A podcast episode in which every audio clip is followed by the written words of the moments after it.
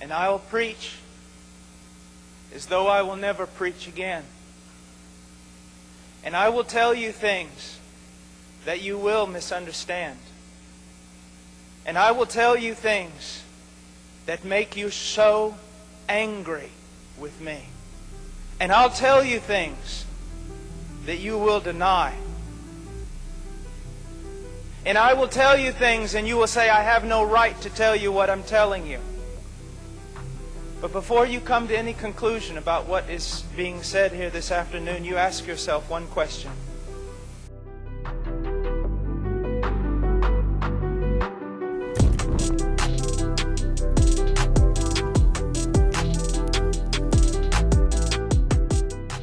Is, is this man before us a false prophet? Or is he telling us the truth? And if he is telling us the truth, then nothing else matters except conforming our lives to that truth. Openbaring hoofdstuk 20, vers 11 tot 15. En daarna zullen we samen bidden. Daar schrijft de apostel Johannes: En ik zag een grote witte troon en hem die daarop zat. Voor zijn aangezicht vluchtte de aarde en de hemel weg, zodat er geen plaats meer voor hen te vinden was. En ik zag de doden, klein en groot, voor God staan. En de boeken werden geopend. En nog een ander boek werd geopend, namelijk het boek des levens. En de doden werden geoordeeld overeenkomstig wat in de boeken geschreven stond naar hun werken. En de zee gaf de doden die in haar waren. Ook de dood en het rijk van de dood gaven de doden die in hen waren. En zij werden geoordeeld, ieder overeenkomstig zijn werken. En de dood en het rijk van de dood werden in de poel van vuur geworpen. Dit is de tweede dood. En als iemand niet bleek ingeschreven te zijn in het boek des levens, werd hij in de poel van vuur geworpen. Amen. Het laatste oordeel. Waarom is het belangrijk dat we daarover spreken? Het is een onderwerp, en dat is wel vaker met onderwerpen waar ik over spreek bij jullie, een onderwerp waar niet veel over wordt gesproken over het algemeen. Vooral niet in de Nederlandse kerk is mij opgevallen. Misschien in de traditionele kerken meer, maar in de evangelische kerken waar ik wat bekender ben, uh, die ik wat beter ken, daar is het een onderwerp wat vaak vermeden wordt, waar niet over gesproken wordt of waar weinig over gesproken wordt. Een onderwerp wat weggemoffeld wordt. En dat is dus iets wat ook in de menselijke natuur ligt. Er wordt weinig over gesproken in de kerk en er wordt ook weinig over gesproken in evangelisatie. Als je kijkt naar hoe de gemeente in Nederland vandaag de dag evangeliseert, dan valt op in de materialen die daarvoor worden gebruikt dat vooral Gods liefde naar voren komt, maar dat het oordeel, en vooral het laatste oordeel, dat het maar heel beperkt vaak aan bod komt. Broeders en zusters, het laatste oordeel is een essentieel aspect van het Bijbels onderwijs om te begrijpen, wil je het evangelie van de Heer Jezus Christus begrijpen. Ik durf te beweren dat als je niet weet wat de Bijbel leert over het laatste oordeel, dat je niet kunt begrijpen waarom de Heer Jezus aan het kruis is gestorven. En daarom is het een grote vergissing wanneer we evangeliseren en niet de mens waarschuwen voor het oordeel wat gaat komen. Dus dit onderwerp is relevant. Het is belangrijk dat we erover spreken. Het is belangrijk dat we weten wat de Bijbel erover leert. Er is in onze cultuur vandaag de dag, ook buiten de kerk, heel sterk de neiging om de mens in alles centraal te zetten. En ja, vanuit diezelfde geest die in de maatschappij heerst, is het heel sterk ook de neiging in de kerken om daar wat in mee te gaan en eigenlijk te zeggen, ja, die dingen die mij niet zinnen aan God of die mij niet zinnen aan de Heer Jezus, daar, daar praat ik liever niet over. En wat je daardoor krijgt is een oppervlakkig godsbeeld. Een oppervlakkig beeld van de Heer Jezus Christus. En oppervlakkige uitspraken waarbij dingen worden gezegd als ja, maar de Heer Jezus, hij oordeelt niet. God, hij oordeelt niet.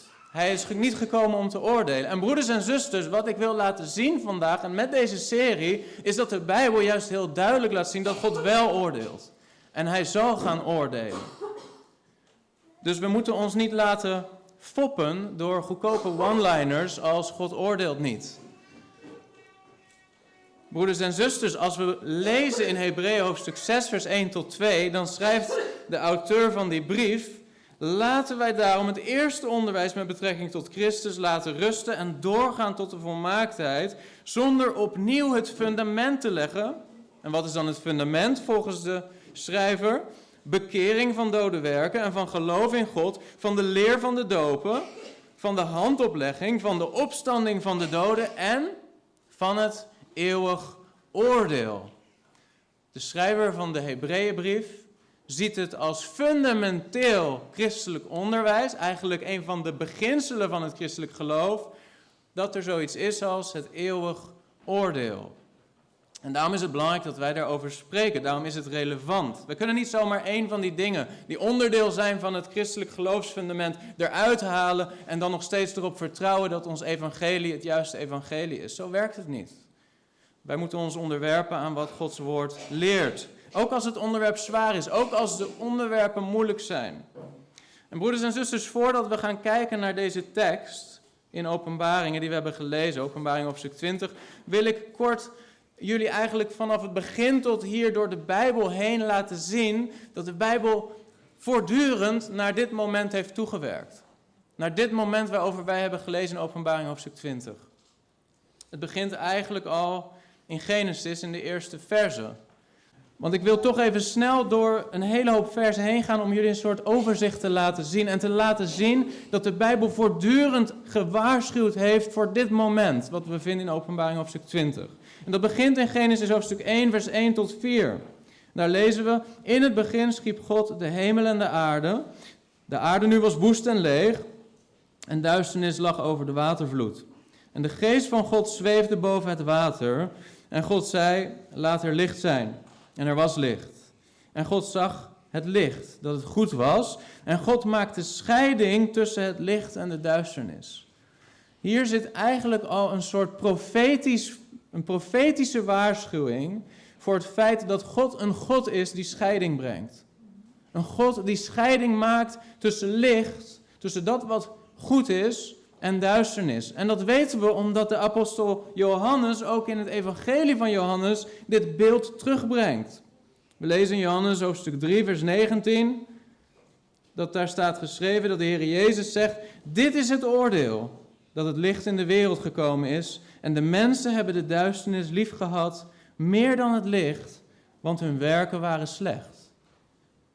Dus de Heer Jezus, hij grijpt terug, terug naar die eerste verse van Genesis en hij laat eigenlijk zien dat er zoiets is als licht en dat er zoiets is als duisternis. En dat er mensen zijn die wandelen in het licht, die het licht lief hebben, maar ook mensen die wandelen in de duisternis en de duisternis lief hebben meer dan het licht.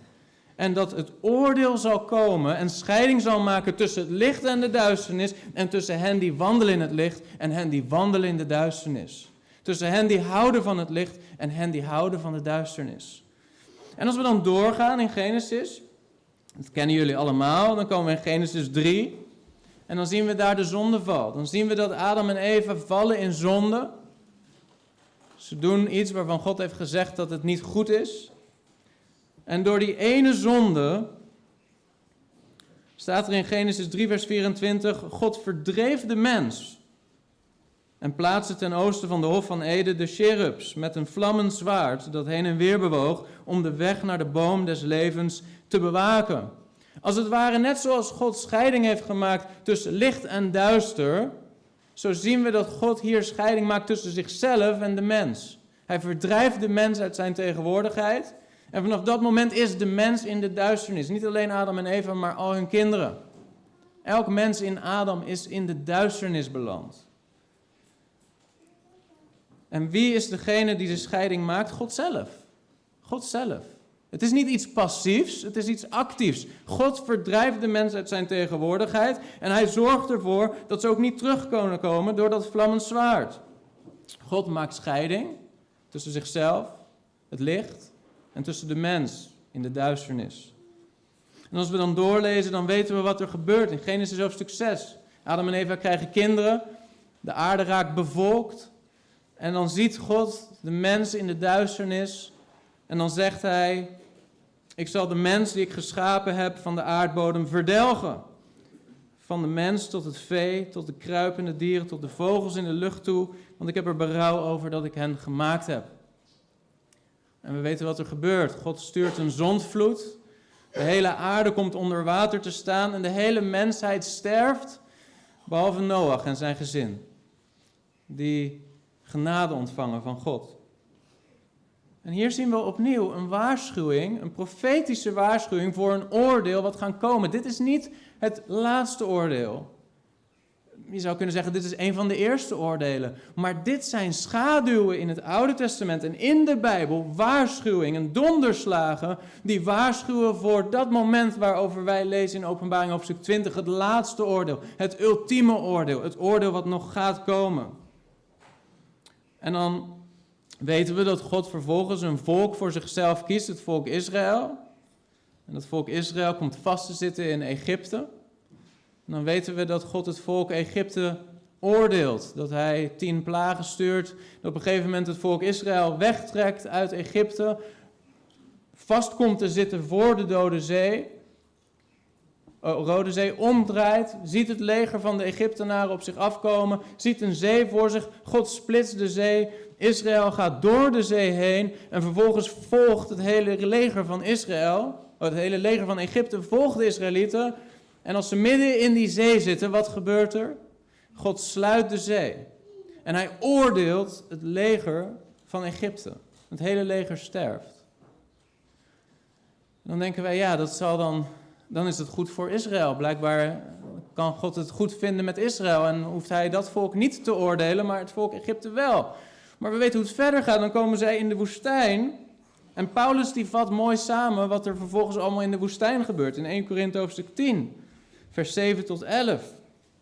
Daar schrijft Paulus, en wordt geen afgodendienaar, zoals sommige van hen, zoals geschreven staat, het volk ging zitten om te eten en te drinken en ze stonden op om te feesten. Dus met andere woorden, het volk Israël ging ook bergafwaarts. Hun moraliteit, hun relatie met God, het ging allemaal bergafwaarts. En dan zegt Paulus, en laten we geen hoererij bedrijven, zoals sommige van hen hoererij bedreven hebben. En op één dag vielen er 23.000. Broeders en zusters, 23.000 Israëlieten vielen op één dag onder het oordeel van God. En laten we Christus niet verzoeken, zoals ook sommigen van hen hem verzocht hebben en door de slangen omgekomen zijn. En moor niet, zoals ook sommigen van hen gemoord hebben en omgekomen zijn door de verderver. Let op wat Paulus zegt. Al deze dingen nu zijn hun overkomen als voorbeelden voor ons. En ze zijn beschreven tot waarschuwing voor ons over wie het einde van de eeuwen gekomen is. Al deze dingen zijn gebeurd als voorbeelden voor ons en als waarschuwing voor ons. Als we verder lezen, we kunnen in het Oude Testament kunnen we nog naar heel veel plekken gaan waar we zien dat ook de profeten die God stuurt voortdurend waarschuwen voor het oordeel wat gaat komen, ook voor het laatste oordeel. Maar we kijken even naar een van de laatste profeten, Johannes de Doper. Johannes de Doper, die op een gegeven moment komt om de weg voor de Heer Jezus te bereiden. En zijn boodschap was een boodschap van bekering en waarschuwing voor het komende oordeel. Er staat geschreven in Lucas hoofdstuk 3, vers 7 tot 9. Hij zei tegen de menigte die uitliep om door hem gedoopt te worden: gebroed, wie heeft u laten weten dat u moet vluchten voor de komende toorn? Breng dan vruchten voort in overeenstemming met de bekering en begin niet bij uzelf te zeggen: Wij hebben Abraham als vader, want ik zeg u dat God zelfs uit deze stenen voor Abraham kinderen kan verwekken. De bijl ligt zelfs al aan de wortel van de bomen. Elke boom dan die geen goede vrucht voortbrengt, wordt omgehakt en in het vuur geworpen. Dat is de boodschap van de profeten. En als we kijken naar de eerste gemeente, als we het boek Handelingen openen, dan zien we dat dat laatste oordeel eigenlijk altijd onderdeel is van de evangelieprediking van de eerste gemeente. Als je kijkt naar um, Handelingen hoofdstuk 17, daar zien we hoe Paulus het evangelie predikt. Dan zegt hij in Handelingen 17, vers 30 tot 31, God dan verkondigt met voorbijzien van de tijden van de onwetendheid, nu overal aan alle mensen dat ze zich moeten bekeren. En wel omdat hij een dag vastgesteld heeft waarop hij de wereld rechtvaardig zal oordelen door een man die hij daartoe aangesteld heeft. Daarvan heeft hij aan alle het bewijs geleverd door hem uit de doden te doen opstaan. Paulus, hij sprak met mensen over het laatste oordeel. Wie van jullie kent Felix uit Handelingen? Felix. Als ik de naam Felix noem, dan de meeste mensen denken aan een kat. Maar Felix, hij was geen kat. Felix, hij was een beroemde politicus in de tijd van de eerste gemeente, in de tijd van Paulus. Felix, hij was gouverneur, hij was bestuurder van de provincie Judea van het Romeinse Rijk.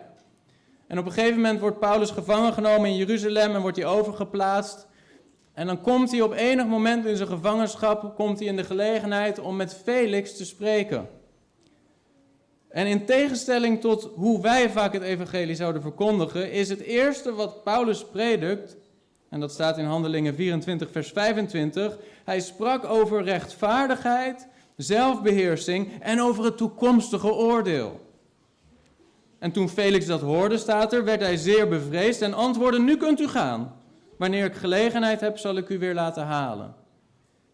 Felix, hij werd bang van wat Paulus hem te verkondigen had in een van zijn eerste evangelieboodschappen.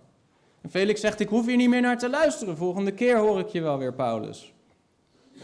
En broeders en zusters, dat is de neiging van de natuurlijke mens om dit onderwerp te onderdrukken, om het maar ver van ons vandaan te houden, om het te vermijden, om het er niet over te hebben, om er niet aan te hoeven denken. En dat is begrijpelijk. Ik herken het zelf ook. Maar Paulus hij ging daar niet in mee. Hij predikte over het komende oordeel. En hij, er staat geschreven in Hebreeën 9, vers 27, zoals het voor de mensen beschikt is dat zij eenmaal moeten sterven en dat daarna het oordeel volgt. Dit zie je ook terugkomen steeds in de brieven in het Nieuwe Testament. Paulus hij schreef in 2 Korinthe 5, vers 10 en 11, wij moeten alle voor de rechterstoel van Christus openbaar worden, opdat ieder vergelding ontvangt voor wat hij door middel van zijn lichaam gedaan heeft, het zij goed het zij kwaad.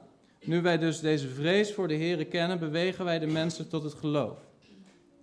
Ik hoop dat ik jullie een beetje een, een smaak heb gegeven van wat de Bijbel laat zien over het komende oordeel. Dit is iets wat van Genesis tot Openbaringen steeds terugkomt en de waarschuwingen zijn velen. Maar wat heeft de Heer Jezus zelf eigenlijk gezegd hierover? Heel veel. Jezus zelf, onze Heer, hij heeft heel veel gewaarschuwd voor het komende oordeel. En ik heb er ook geen tijd voor nu om met jullie samen al die schriftgedeelten te lezen, maar ik wil er één graag met jullie samen lezen, omdat die erg belangrijk is voor het onderwerp. En dat is Matthäus 25. Laten we die samen opzoeken. Matthäus 25, vers 31 tot 46. Daar staat geschreven: Wanneer de zoon des mensen komen zal in zijn heerlijkheid en al de heilige engelen met hem, dan zal hij zitten op de troon van zijn heerlijkheid. En voor hem zullen al de volken bijeengebracht worden. En hij zal ze van elkaar scheiden, zoals de herder de schapen van de bokken scheidt. En hij zal de schapen aan zijn rechterhand zetten, maar de bokken aan zijn linkerhand. Dan zal de koning zeggen tegen hen die aan zijn rechterhand zijn: Kom, gezegende van mijn vader Beërf het koninkrijk dat voor u bestemd is vanaf de grondlegging van de wereld. Want ik had honger en u hebt mij te eten gegeven. Ik had dorst en u hebt mij te drinken gegeven. Ik was een vreemdeling en u hebt mij gastvrij onthaald. Ik was naakt en u hebt mij gekleed. Ik ben ziek geweest en u hebt mij bezocht. Ik was in de gevangenis en u bent bij mij gekomen. Dan zullen de rechtvaardigen hem antwoorden: Heren, Wanneer hebben wij u hongerig gezien en te eten gegeven, of dorstig en te drinken gegeven? Wanneer hebben wij u als een vreemdeling gezien en gastvrij onthaald, of naakt en hebben u gekleed? Wanneer hebben wij u ziek gezien of in de gevangenis en zijn bij u gekomen? En de koning zal hun antwoorden: Voorwaar, ik zeg u, voor zover u dit voor een van deze geringste broeders van mij gedaan hebt, hebt u dat voor mij gedaan.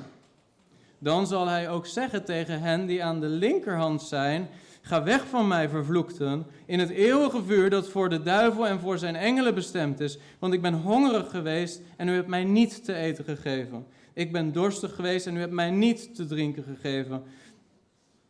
Ik was een vreemdeling en u hebt mij niet gastvrij onthaald. Naakt en u hebt mij niet gekleed.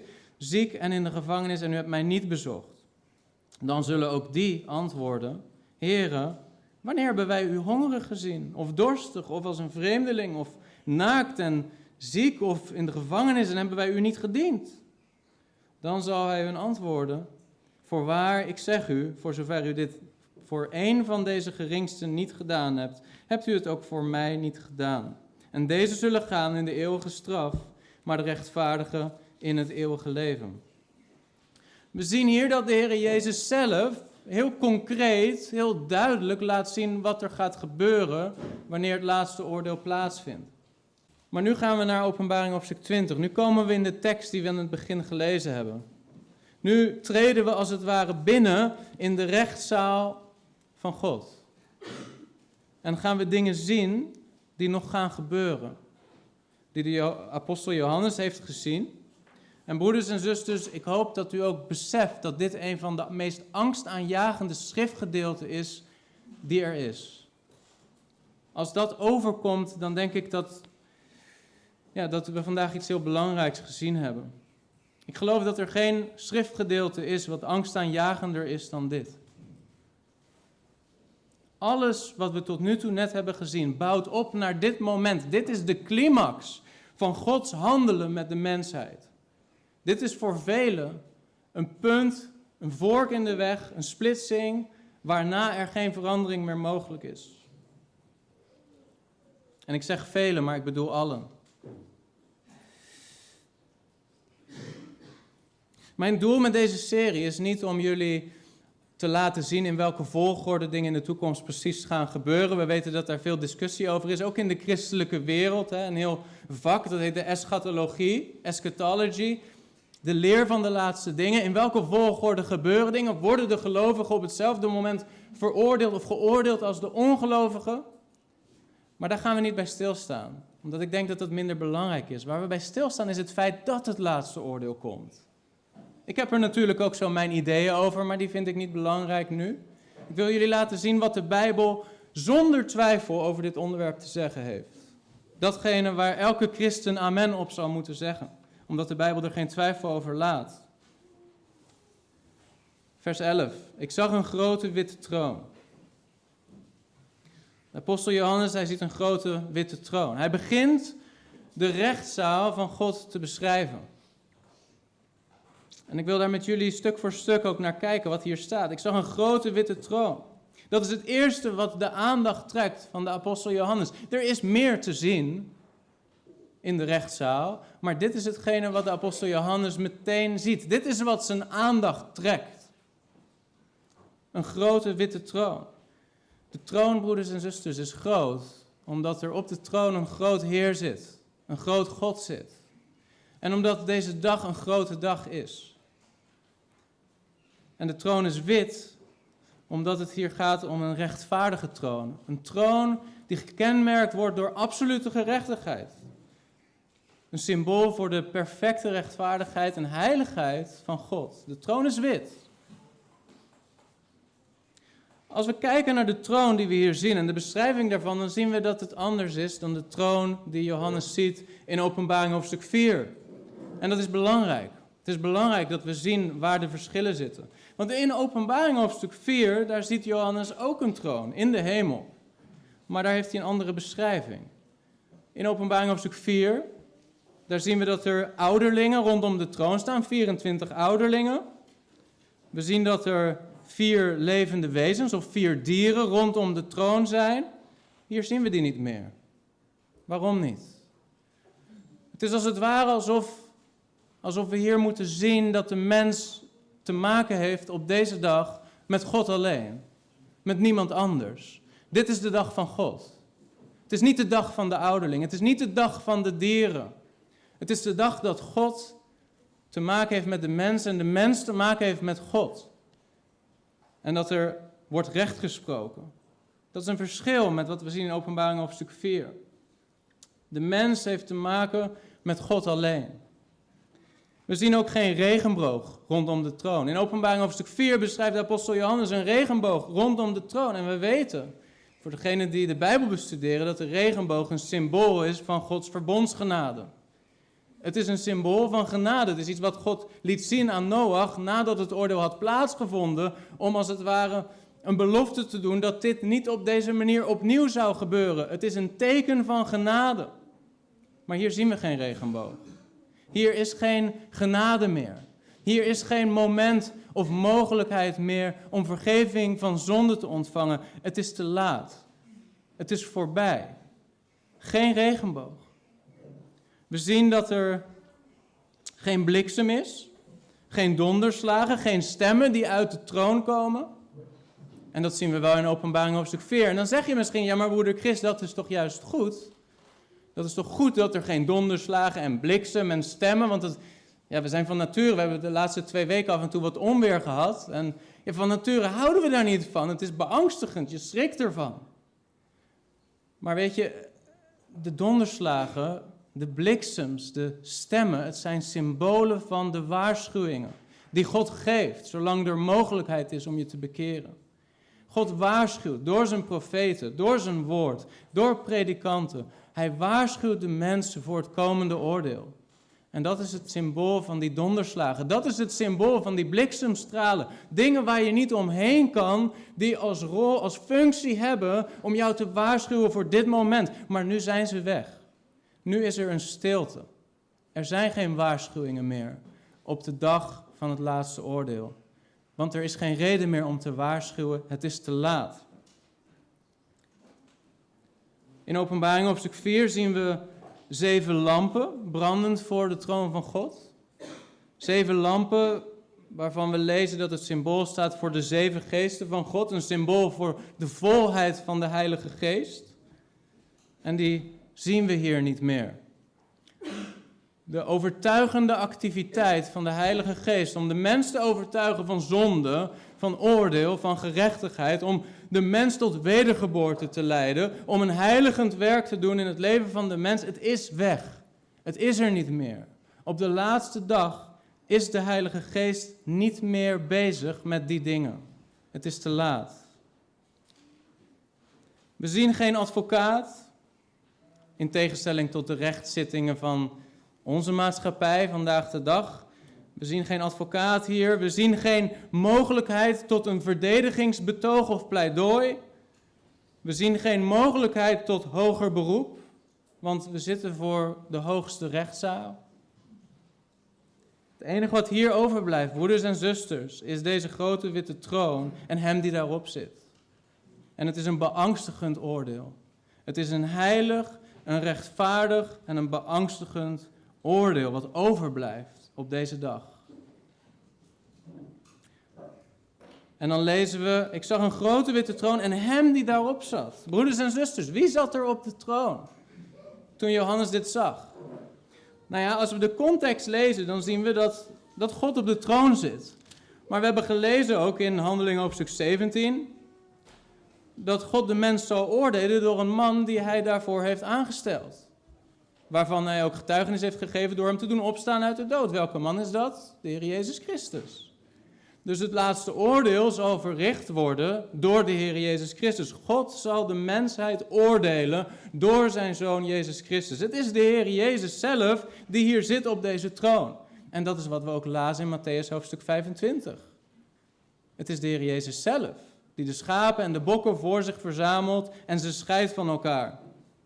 En broeders en zusters, in tegenstelling tot openbaring op stuk 4, staat er geen beschrijving van hoe de persoon op die troon eruit ziet.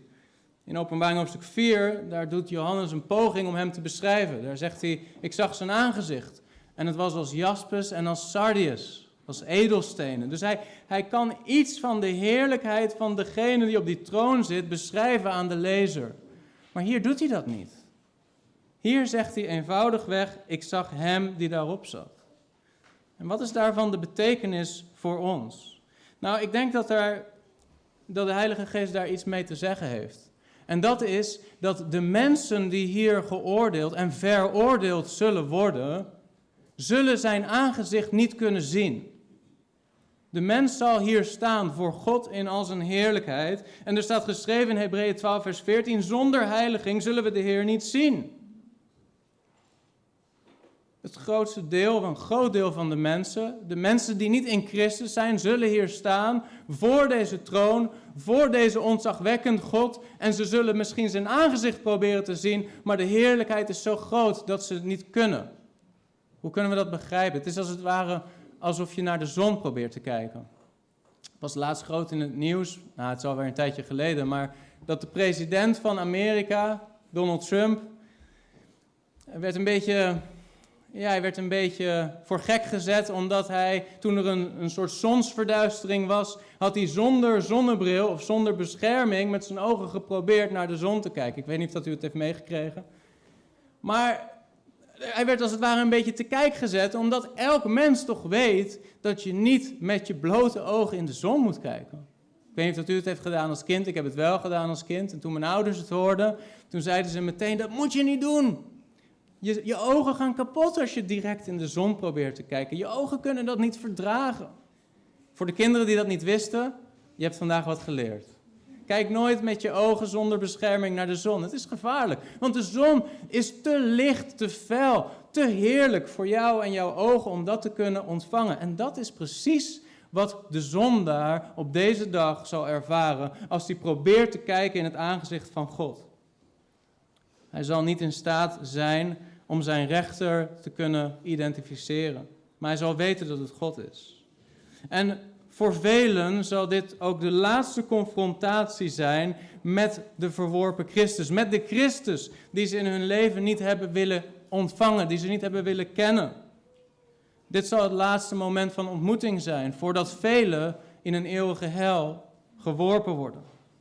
We zien hier niet de Jezus die zo populair is in de, in de kunst van vandaag de dag en ook van de middeleeuwen, waar we een zachtmoedige man zien, die, die, iedereen geneest, die, die zwak is, waar je misschien een beetje mee kan sollen. We zien deze Jezus niet. De Jezus die wij hier zien is een koning, een groot koning op een grote troon met grote soevereiniteit. Niet je vriendje, maar een groot God. En dan lezen we, om dat ook nog eens kracht bij te zetten, voor zijn aangezicht vluchtte de aarde en de hemel weg, zodat er geen plaats meer voor hen te vinden was. De hele schepping, aangetast door zonde, de oude schepping. Niet de nieuwe hemel en de nieuwe aarde die God maakt, nee, de oude schepping, aangetast door zonde, vlucht weg voor het aangezicht van Christus in zijn volle heerlijkheid. Er is angst. Dat is wat je hier moet zien. Er is angst.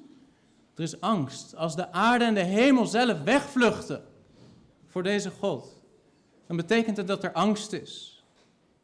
Hebreeën 10, vers 31. Vreselijk is het te vallen in de handen van de levende God.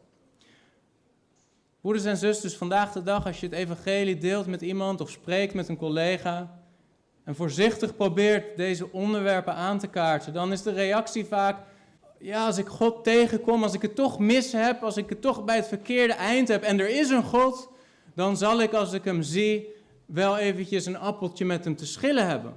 Dan zal ik hem vragen hoe het zit met al dat lijden. Waarom heeft u al dat lijden toegelaten? Waarom is dit en dat gebeurd in mijn leven? Hoe zit het met dit? Hoe zit het met dat? Waarom heeft u de appendix geschapen? Mensen denken echt dat ze zo'n gesprek zullen gaan voeren met God. Is dat de indruk die u hier hebt als u dit leest? Broeders en zusters, de enige neiging die de mens zal hebben op deze dag, is de neiging om te vluchten. De mens zal zo beangstigd zijn dat hij niet zou, spreken, zou kunnen spreken van angst. Dat is wat we hier zien. Het is als het ware alsof de mens in Adam, de mens die niet in Christus is, hier zal staan. En terwijl die wordt voorgeleid voor deze troon, ziet hij de aarde en de hemel voorbij rennen roepende vlucht voor de toorn van het lam. Maar hij kan niet vluchten.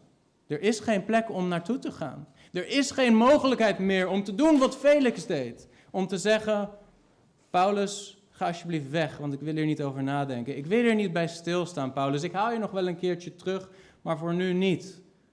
Elke cel in je lichaam zal dat willen doen op die dag, maar het is niet mogelijk. Er is geen plek om naartoe te vluchten en dat staat hier ook. Er is geen plaats meer voor de aarde en de hemel gevonden. De enige drang die de mens zal hebben is niet een drang om een gesprek te voeren met God, maar om te vluchten van God. En dan staat er, vers 12, ik zag de doden, groot, klein en groot, voor God staan. Weet je, broeders en zusters, iemand een idee van hoeveel mensen er vandaag de dag in leven zijn op de aarde? Hoeveel, hoeveel mensen leven er op dit moment de aarde ongeveer? Ongeveer 7,5 miljard mensen. En weet je, de apostel Johannes, hij ziet ze hier allemaal staan. Niet alleen 7,5 miljard mensen die nu leven, maar de miljarden mensen die geleefd hebben voor deze generatie. Hij ziet hier miljarden mensen voor de troon staan. En weet je wat eng is? Hij ziet jou staan. Hij ziet jou staan. Want jij staat hier ook. Ik sta hier ook. Hij ziet de hele mensheid hier staan. De doden, klein en groot. En toch, ondanks het feit dat hij miljarden mensen ziet staan voor deze troon, is die groep mensen die onvoorstelbaar groot moet zijn, niet het eerste wat zijn aandacht trekt, maar het is de troon. Het is de God die die ziet. We denken zo vaak dat we zo belangrijk zijn als mens. Maar weet je, het feit dat Johannes niet die mensen ziet, maar die God ziet, zou ons tot nederigheid moeten dwingen. Weet je, Johannes, hij zag jou daar staan. En niet alleen jou, maar de hele mensheid staat daar voor Gods troon als het laatste oordeel plaatsvindt. En of dat je het nou opsplitst in twee oordelen, één voor de gelovigen en één voor de ongelovigen, of je zegt ze zijn hier allemaal, hoe dan ook, we zullen staan voor de oordeelstroon. Weet je, Pilatus, hij heeft de Heer Jezus tot de dood veroordeeld. Op de ochtend dat de Heer Jezus naar het kruis werd gebracht, heeft Pilatus ook de Heer Jezus voor zich gehad en zat Pilatus op zijn rechterstoel. En de Heer Jezus op de plek van de beschuldigde. De rechtstoel van Pilatus, de Bema in het Grieks. Maar hier zijn de rollen omgedraaid. Hier zit de Heer Jezus Christus op de rechtstoel en Pilatus zal voor hem staan. En dan zullen we zeggen, dan denken we misschien nu met z'n allen, ach die arme Pilatus. Hoe zal het voor hem zijn op die dag? Hij heeft de Heer Jezus tot de dood veroordeeld. Wat zal zijn lot zijn op die dag? Maar broeder en zuster, wat zal uw lot zijn? Wat zal jouw lot zijn op die dag? Denk je dat je beter bent dan Pilatus? Pilatus, hij was maar een symbool van wat de hele mensheid met de Heer Jezus Christus gedaan heeft. Ieder mens, niet in Christus, op die dag, zal vrezen voor wat er zal gebeuren. Dan zeg je misschien, broeder Chris, Waarom zeg je al deze dingen? Je zegt deze dingen alleen maar om ons bang te maken. Dat klopt. Dat klopt. En ik denk dat dit iets is waar we bang voor mogen zijn. En dat dat iets goeds zal voortbrengen. Er staat er, ik zag de doden klein en groot voor God staan en de boeken werden geopend. Broeder en zuster, er zijn boeken in de hemel, in de rechtszaal van God, die geopend worden op die dag. En dan staat er dat ieder werd geoordeeld overeenkomstig zijn werken vanuit die boeken. Blijkbaar heeft God een boek van ieder mens. Natuurlijk is het een symbool voor de alwetendheid van God. God die alles weet over ieder mens. Maar hier wordt geschreven over een boek. God heeft een boek van jouw leven. En dat boek, dat zien we ook in de Bijbel al eerder aangekondigd worden. Sterker nog, God heeft zelfs een boek van hoe jouw dagen verliepen toen je in de baarmoeder was. Toen je nog een baby was. David schrijft daarover in Psalm 139, vers 16. Daar zegt hij, uw ogen zagen mijn vormeloze begin, in uw boek waren zij alle opgeschreven, de dagen die geformeerd zouden worden, toen nog geen daarvan bestond. Dat is Psalm 139, vers 16. David was zich ervan bewust dat God een boek had waarin alle dagen van zijn leven beschreven stonden. En zo'n boek heeft de Heer ook van jou en van mij. Wat staat er in dat boek? Wat staat er in dat boek? Ik hoop dat jullie jongeren ook luisteren. Het is niet alleen maar voor de mensen die hier zich hebben laten dopen en christen zijn. Dit is de realiteit ook voor jullie jongeren die al die stappen niet genomen hebben. God heeft een boek van jouw leven. God weet van elke dag van jouw leven. En wat staat er in dat boek? Nou, je zou kunnen denken, er staat Ieder werd geoordeeld overeenkomstig zijn werken, oftewel zijn daden. Dus wat er in dat boek staat, is alles wat ik gedaan heb in mijn lichaam. En dat is zo. God weet van alles wat jij hebt gedaan. Als ik jou vraag, hey, wat heb jij eigenlijk drie weken geleden op zaterdag gedaan? De meeste van ons kunnen het zich niet zo 1, 2, 3 herinneren. Ik, soms als mensen mij vragen op maandag, wat heb je dit weekend gedaan, weet ik het niet meer. Misschien komt dat doordat ik een klein kind heb en weinig slaap. Of... Maar goed, maar God weet het. God weet wat ik drie weken geleden op zaterdag heb gedaan en op donderdag en op woensdag. Hij weet het en alles staat opgeschreven in zijn boek. Maar niet alleen dat. Want er staat in andere schriftgedeelten in het Nieuwe Testament, bijvoorbeeld Hebreeën hoofdstuk 4, daar staat dat Gods woord levend is en krachtig en scherper dan enig tweesnijdend zwaard en het dringt door tot op de scheiding van ziel en geest, van gewrichten en merg en het oordeelt de overleggingen en de gedachten van het hart. En er is geen schepsel onzichtbaar voor hem, maar alles ligt naakt en ontbloot voor de ogen van hem aan wie wij rekenschap hebben af te leggen.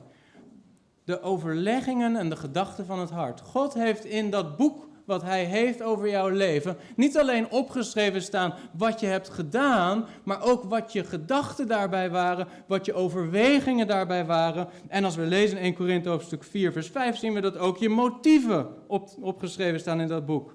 Er zegt Paulus, oordeel daarom niets voor de tijd totdat de Heer komt. Hij zal ook wat in de duisternis verborgen is aan het licht brengen en de voornemens of de motieven van het hart openbaar maken. God heeft een boek waarin hij heeft staan wat jij hebt gedaan, wat je gedachten daarbij waren, wat je overwegingen daarbij waren, wat je motieven waren. En nog één ding. En dat is misschien nog wel het meest beangstigende. Want er staat geschreven in Romeinen hoofdstuk 2 vers 16, zo zal het gaan op de dag wanneer God de verborgen dingen van de mensen zal oordelen door Jezus Christus, overeenkomstig mijn evangelie. Paulus zegt, niet alleen heeft hij jouw werken daar staan, jouw gedachten, jouw motieven, jouw overwegingen. Nee, je geheimen. Je geheimen. Jongeren, ik hoop dat je dit hoort. Mensen die een dubbel leven leiden, ik hoop dat je dit hoort. Want God zal op die dag van het laatste oordeel een boek openen met niet alleen maar die dingen waarvan jij wilde dat mensen ze zouden zien, maar ook die dingen waarvan je met je hele hart hebt willen voorkomen dat mensen ze zouden ontdekken aan jouw leven. Misschien draag je een geheim met je mee, al jaren, jaren, jaren, waarvan je hoopt dat je partner er nooit achter zal komen. Misschien leef je een dubbel leven. Op die dag, broeder, zuster, op die dag zullen alle geheimen openbaar worden. Het boek gaat open. De boeken worden geopend. Ik hoop dat dat, als je dit zo hoort, ertoe leidt dat er een stuk overtuiging ontstaat in je hart dat dit niet goed gaat aflopen voor je. Als je dit hoort en je denkt bij jezelf, nou dat, dat gaat wel goed komen dan, want ik heb niet zulke vreselijke geheimen en ach ja, ik heb ook best wel goede dingen gedaan. Ik, ik heb op zich best wel zuivere motieven. Als dat je gedachte is, dan ken je de God niet voor wie je zult staan. Weet je, vaak als we dat zeggen, dan vergelijken we onszelf met andere mensen. Andere mensen in de kerk of andere mensen in de samenleving. Of ja, we zijn zelfs geneigd vaak onszelf met Hitler te vergelijken, want dan kunnen we nog altijd zeggen: ik was beter dan Hitler. Ja, dat, dat kan iedereen dan wel zeggen. Je kan zeggen: ik was beter dan Pilatus. Maar je wordt op die dag niet geoordeeld door Hitler en niet geoordeeld door Pilatus. Je wordt geoordeeld door Christus. Je wordt geoordeeld door God zelf. En de standaard waarnaast jouw leven wordt gelegd, is de standaard van volmaakte rechtvaardigheid. De troon is wit. Niet een beetje wit. Puur wit. En de rechtspraak zal zuiver zijn. Weet je, de grootste zonde die over het hoofd wordt gezien, meestal door de mensen die wij aanspreken of met wie we praten over het evangelie. De grootste zonde die ze vaak zelf niet zien, is deze. Vaak zeggen ze, ach ja, ik, ik leef niet veel slechter dan andere mensen. Als ik mezelf vergelijk met een christen, met mensen zoals jullie, dan doe ik eigenlijk niet zoveel dingen slechter. De scheidingspercentages zijn niet zo hoog bij ons als bij jullie. Of zelfs dat soort dingen worden erbij gehaald. Maar weet je, de zonde die de mens over het hoofd ziet is deze. De mens heeft God genegeerd. Heel zijn leven God genegeerd. De God die alles heeft gegeven aan de mens, Zoveel genadegaven, zoveel zegen, zoveel schoonheid in de natuur, zoveel cadeaus die God heeft gegeven aan de mens. En de mens negeert die gevers een hele leven lang en wil dan nog beweren dat hij weg zal komen met zoiets op de dag des oordeels. En dat is niet zo. De, de grootste zonde van, van de mens is dit: dat hij God heeft genegeerd in zijn leven. Ieder werd geoordeeld overeenkomstig zijn werken, staat hier. Ik hoop dat je tot de overtuiging bent gekomen dat als dat het einde van het verhaal is, dat het voor niemand van ons goed afloopt. Maar prijs de Heer, er staat hier dat er nog een ander boek werd geopend. Er staat niet alleen de boeken werden geopend, maar er staat een ander boek werd geopend, namelijk het boek des levens. En broeder en zuster, dat boek en wat er in dat boek geschreven staat, dat is doorslaggevend voor de eindbestemming van de persoon die geoordeeld wordt op deze dag. Niet die dingen die geschreven staan in jouw boek, maar die dingen die geschreven staan in zijn boek, in het boek des levens. Dat is wat uiteindelijk de eindbestemming van de mens bepaalt. Er staat geschreven in Openbaring 13, vers 8, over dat boek. Allen die op de aarde wonen, zullen het beest aanbidden, althans van wie de namen niet geschreven zijn in het boek des levens van het lam dat geslacht is van de grondlegging van de wereld af. Er is een boek des levens vanaf de grondlegging van de wereld af, waarin God geschreven heeft de namen van hen voor wie de Heer Jezus Christus effectief zijn bloed heeft gegeven op Golgotha. Voor hen, de namen van hen voor wie de Heer Jezus Christus effectief zijn bloed gegeven heeft op Golgotha. Er is een discussie in de christelijke wereld. Heeft de Heer Jezus zijn bloed gegeven voor alle mensen? Of heeft hij alleen voor de uitverkorenen zijn bloed gegeven? Maar broeder, zuster, het maakt niet uit. Waar het om gaat is dat in dit boek des levens de namen staan voor de mensen van wie het bloed van de Heer Jezus uiteindelijk ook daadwerkelijk de zonde zal wegwassen. Dat is wat er staat geschreven in het boek des levens. Mijn vraag vandaag is: weet je dat jouw naam geschreven staat in dat boek? Dat is de belangrijkste vraag die je jezelf moet stellen vandaag en in je leven, met oog op het komende laatste oordeel. Weet je zeker dat je naam geschreven staat in dat boek des levens? En dan zeg je misschien: hoe weet ik dat zeker? Hoe kan ik de zekerheid hebben dat ik op die dag in die naam, dat mijn naam in dat boek geschreven staat? Dat de Heer Jezus Christus mijn naam zal beleiden voor de Vader en voor de engelen? Weet je, er staat geschreven Romein hoofdstuk 8 vers 1, er is geen verdoemenis voor hen die in Christus Jezus zijn. Voor hen die in Christus Jezus zijn. Die niet naar het vlees wandelen, maar naar de geest. Als wij in Christus Jezus zijn, dan is dat de enige toevlucht die we zullen hebben op die dag. Er is geen plek om naartoe te vluchten. De enige schuilplaats, de enige vluchtplaats is de Heer Jezus Christus zelf. Hoe weet je dat je naam in dat boek geschreven staat? Nou, dat is op zich helemaal niet moeilijk. Ik weet niet waarom de christelijk gereformeerde wereld in Nederland dat zo moeilijk maakt. Oprecht. Ik heb met genoeg gereformeerde mensen gesproken uit andere landen en die kijken ons aan alsof we gek zijn wanneer we uitleggen dat er zoveel mensen in traditionele kerken zijn die niet zeker weten of ze wel gered zijn. Dat is echt iets Nederlands. Echt iets vreemds. Weet je wat de Bijbel leert? Weet je wat de Bijbel leert? De Bijbel zegt dat de natuurlijke mens de Heer Jezus Christus nooit als Heer zal beleiden of aannemen. Het is onnatuurlijk om te erkennen dat de Heer Jezus voor jouw zonde is gestorven. Op het moment dat jij zegt, Heere, ik ben een zondaar. Heere, ik weet dat het niet goed gaat komen op die dag van dat oordeel. Heer, ik heb uw vergeving nodig. Ik heb uw bloed nodig. Ik kan het niet zelf. Weet je, als je dat zo kunt zeggen, dan heeft de Heilige Geest al een werk gedaan in je leven. Waar wacht je dan nog op? Wij onderschatten, we snappen het werk van de Heilige Geest niet. Wij willen wachten tot hij iets doet. Wat gaat hij dan doen? Begrijp je niet hoe, hoe ver de natuurlijke mens van God is weggeraakt en hoe vijandig en rebels de mens van natuur is? Dat als jij überhaupt een overtuiging krijgt van je zonde, dat dat het werk is van de Heilige Geest. Als je dat ervaart, dan werkt de Heilige Geest in je leven. En als de Heilige Geest dat werk doet in je leven, dan mag je weten dat dat wat hij start, dat zal hij ook voleinden. Weet je, dat boek des levens, Het is helemaal niet iets waar je heel je leven over hoeft te blijven worstelen. Sta ik erin of sta ik er niet in? Maar de vraag die je jezelf wel mag stellen is: onderzoek jezelf of je in Christus bent. Want er is wel een bepaalde aanname in Gods woord, en dat lazen we ook in Romeinen hoofdstuk 8, vers 1, dat zij die in Christus zijn ook niet naar het vlees wandelen, maar naar de geest. Dat die een nieuwe natuur hebben. Daarom zie je in Matthäus, wanneer de Heer Jezus daar de schapen en de bokken oordeelt, dat er twee verschillende naturen voor zijn troon staan. Wij denken vaak dat het gewoon allemaal schapen zijn. En de ene die heeft wel de Heer Jezus ontvangen en de ander niet. Maar het zijn twee naturen. Het zijn schapen en het zijn bokken. Ze doen wat ze doen vanuit hun natuur. Ik hoop dat jullie zien dat, dat hetgene wat doorslaggevend is op deze dag, is datgene wat er geschreven staat in het boek des levens. Weet je, als ik voor Gods troon zal staan, ik heb geen vertrouwen in wat er in mijn boek staat.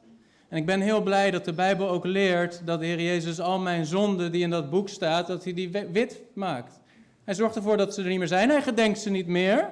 Wie in Christus is. Hij is een nieuwe schepping.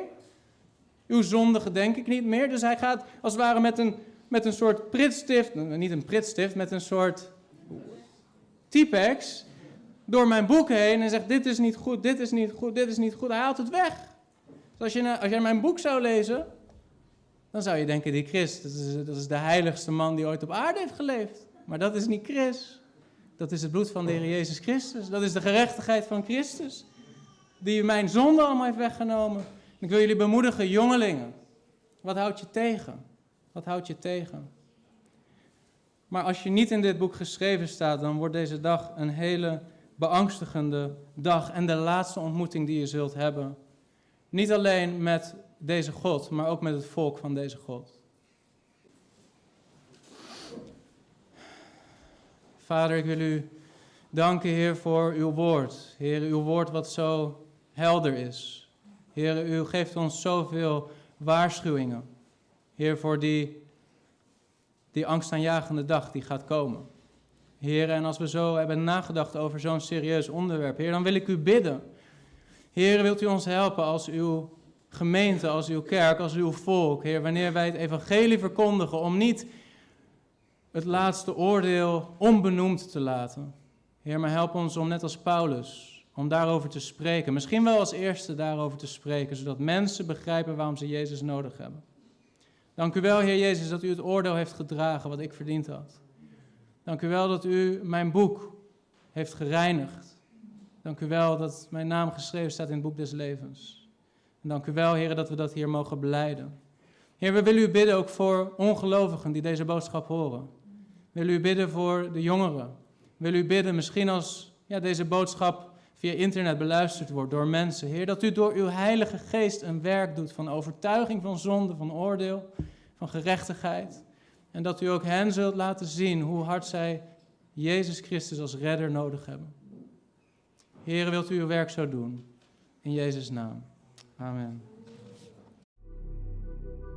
Heb je iets gehad aan deze video? Abonneer je dan op dit kanaal. Dan zul je regelmatig nieuwe apologetische video's zien verschijnen, waardoor je kan groeien in je kennis over geloofsverdediging. En heb je ideeën voor toekomstige onderwerpen om te behandelen op dit kanaal? Schrijf dan een comment en wellicht komt jouw onderwerp volgende keer aan de orde. God zegen.